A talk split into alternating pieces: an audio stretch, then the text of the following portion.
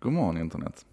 En sak idag nummer 454, fredagen den 9 oktober i nådens coronär 2020, ska handla om Coinbase.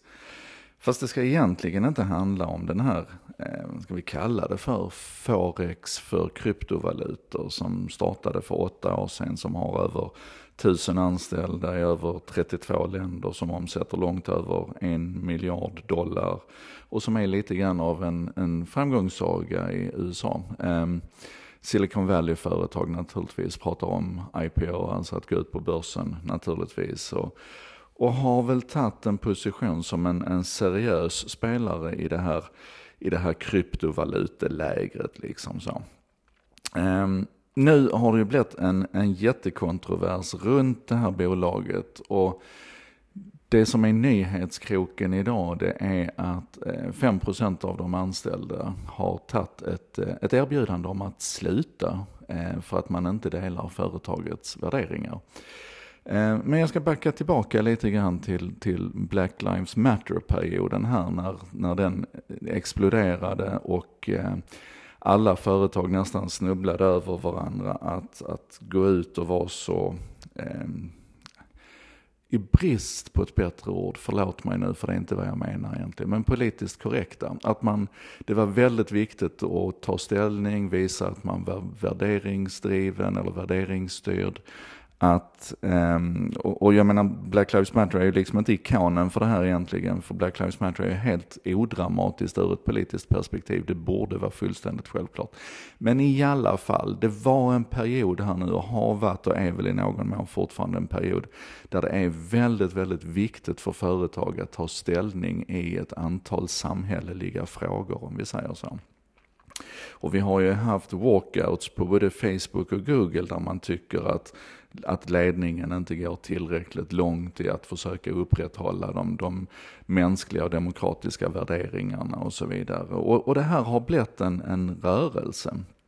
Och vad som då hände när, när Black Lives Matter kom på bordet på riktigt, det var att vdn i Coinbase, eh, Brian Armstrong, som för övrigt ser ut som en vit maktsnubbe, verkligen, han, sångaren i en vit maktband, han har, eh, han har utseendet emot sig för att föra den här diskussionen.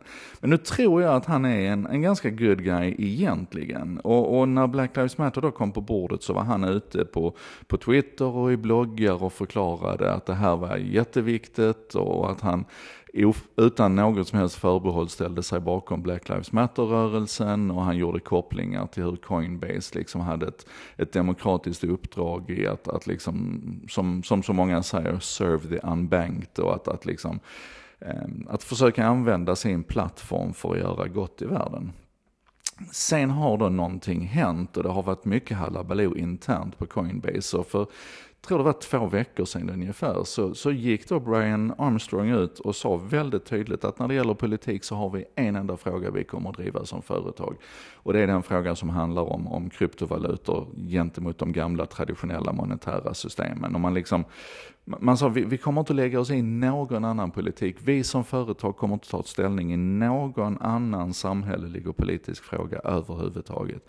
Och ni kan ju tänka er vilket liv det blev. Det blev ett sånt hallabaloo.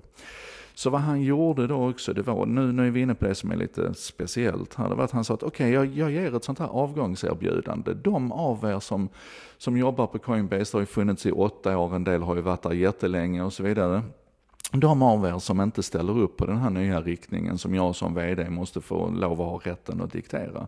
Ni får ett avgångserbjudande så här om ni, om ni har jobbat här i, ska vi se här vad var det han sa, om ni har jobbat i eh, fyra månader, om ni har jobbat här i tre år så får ni fyra månaders lön, om ni har jobbat här i i, i längre, än, längre än tre år så får ni sex månaders full lön. De blev erbjudna eh, Cobra-programmet som alltså är ett sånt här eh, sjukförsäkringsprogram eh, och lite andra sådana här grejer. De fick behålla sina optioner och de hade sju år på sig att lösa in dem och så vidare. Så att, common wisdom är väl att det här var ett ganska generöst erbjudande för att sluta på företaget för att du inte ställer upp på dess värderingar.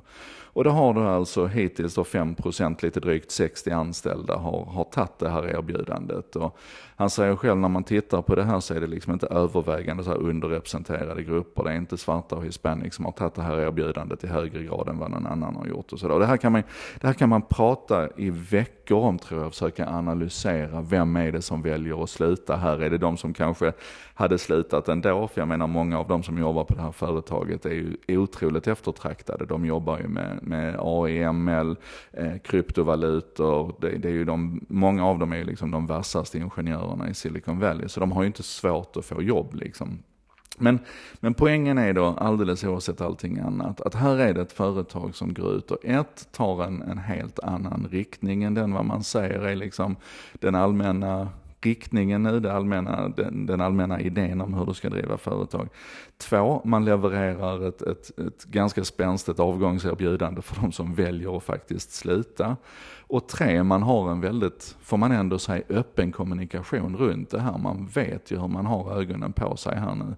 Så att jag tycker det är, det är otroligt intressant att följa det här. Och jag skulle aldrig personligen arbeta på ett företag som inte är värderingsdrivet, som inte står upp för, för mänskliga rättigheter, som inte tycker att man har en större plats i samhället än sitt enda enskilda mission. Men det är min uppfattning om det. Och, och, är det någonting som jag tycker är ännu viktigare än att vara värderingsdriven så är det ju att det ska finnas någon slags valfrihet. Alltså att, att man ska Ja men kanske rent av att det ska finnas företag som är lite fredade zoner mot det här, det här större politiska samtalet som, som du och, och jag, eller i alla fall jag, absolut älskar att vi har. Men ni är med på principen i alla fall. Avgångsvederlag om du väljer att sluta för att du inte ställer upp på företagets värderingar. Vad tycker vi om det egentligen? Spännande tanke, eller hur? Det här var en sak idag med mig, Joakim Jardenberg. Eh, nu är det fredag. Jag tycker ni ska gå in och kolla lite grann på mina sociala medier, på Facebook och LinkedIn här i veckan som har gått. För jag har ju roat mig med att dela ut ett alternativt Nobelpris som jag har kallat för En sak idag-priset. Och eh, jag är superstolt över mina pristagare där. Det är människor som förändrar världen till det bättre. Ytterst värderingsdrivna allihopa, det lovar jag. Eh, det kommer en fredspristagare idag, det kommer en ekonomipristagare på måndag, sen kommer jag knyta ihop den där säcken och det kanske blir en, ensak idag special där jag berättar lite grann om dem. Men, men följ gärna upp dem själv idag, in och läs. Och så ha en fantastisk helg och, och ehm, Ja, jag har en grej på gång på måndag, men det pratar jag inte om nu. Vi får se om det kommer på plats först. Ha en jättebra helg. Tack. Vadå tack? Åh gud, vad svårt det är att sluta ibland. Vad är det med det? Urgh.